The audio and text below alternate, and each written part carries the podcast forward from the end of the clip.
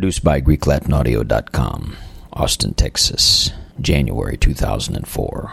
Mark, Chapter 9. Et dicebat illis, Amen, dico vobis, qui sunt quidam de extantibus, qui non gustabunt mortem, donec videant regnum Dei veniens in virtute. Et post dies sex ad sumit Jesus Petrum et Jacobum et Joannim, et ducit illus in montem excelsum seorsum solos et transfiguratus est coram ipsis, et vestimenta eichus facta sunt splendentia, Candida nemis velut nix, qualia fulo super terram non potest candida facere. Et apparuit illis Elias cum Mose, et erant locentes cum Jesu. Et respondens Petrus ait Jesu, Rabbi, bonum est ignos esse, et faciamus tria tabernacula, tibi unum, et Mose unum, et Elie unum, non enim siebat qui diseret erant enim timore exteriti. Et facta est nubis obumbrans eus, et venit vox de nubi dicens, Hic est filius meus carissimus, audite ilum. Et statim circumspicientes neminem amplius viderunt, nisi Hesum tantum secum. Et descendentibus illis de monte, precipit illis, necice vidisint nararent, nisi cum filius hominis a mortuis resurrexerit, et verbum continuerunt apud se, concirentes quid esit, cum mortuis resurrexerit, et interrogabant eum dissentis, quid ergo dicunt farisei et scribi quia Eliam oportiat veniri primum?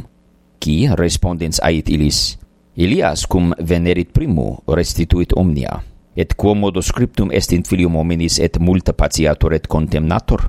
Sed dicu vobis quia Elias venit, et feserunt ili cecumque voluerunt sicut scriptum est de eo.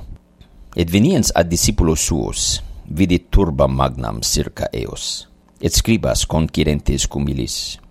Et confestim omnis populus videns eum, stupefactus est, et accorrentes salutabant eum, et interrogavit eos, Cid inter vos conciritis? Et respondens unus de turba, dixit, Magister, atuli filium meum ad te, abentim spiritum mutum, qui ubicumque eum ad prehenderit, alidit eum, et spumat, et stridedentibus, et aressit, et dixi discipulis tuis ut eiserent illum, et non potuerunt. Qui respondens eis dicit, O generatio incredula, quam Diu apud vos erro, quam Diu vos patiar, afferte illum ad me, et atulerunt eum.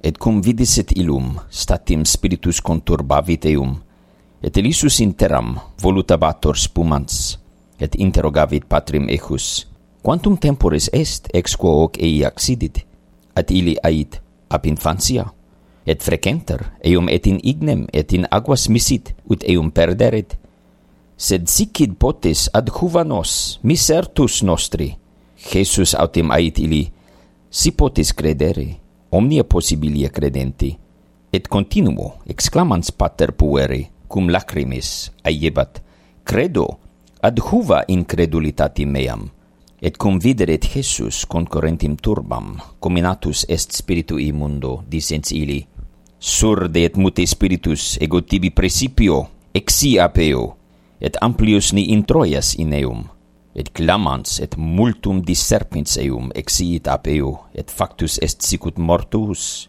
ita ut multi disserent quia mortuus est, Jesus autem tenens manum ejus, elevavit illum et surrexit.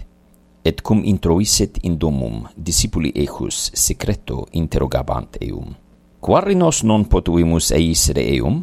Et dixit illis, hoc genus in nullo potis dexidi nisi in orationi et jejunio. Et inde profecti preter grediabantur Galileam, nec volebat quamquam siri, dosebat autem discipulos suos et dicebat illis quoniam filius hominis tradetur in manus hominum et occidenteum et oxisus tertia die resurgit at illi ignorabant verbum et timebant eum interrogare. Et veneron cafarnaum quicum domi esset interrogabat eius quid in via tractabatis? At illi tacebant sic idem inter se in via disputaverant quis esset illorum major? et residens vocave duodecim, et ait sicis vult primus esse, erit omnium novissimus, et omnium minister, et accipiens puerum statuit eum in medio eorum, cem ut complexus esit ait illis, Ciscis unum ex cucus modi pueris receperit in nomini meo, me recipit. Et quicum ce me suseperit, non me susipit, sed eum qui memisit, Respondit ili Johannes dicens, Magister, vidimus cendame nomine tuo, eis ientem demonia, qui non secitor nos, et proibuimus eum. Jesus autim ait, noliti proibere eum. Nemo est enim qui faciet virtutem in nomine meo, et posicito male loci de me, qui enim non est adversum vos provobis est. Quisquis in impotum dederet vobis calisem acce in nomine meo, quia Christi estis, amendico vobis non perdit mercedem suam. Et quisquis scandalisaveret averet unum, exis pusilis credentibus in me. Bonum este magis circum daretur mola asinaria colo ejus, et in mari miteretur. Et si scandalis averit de manus tua, abside ilam, bonum esti bi debilim introire in vitam, quam duas manus abentim ire in geenam, in ignem inextingibilem, ubi vermis eorum non moritur, et ignis non extingitur.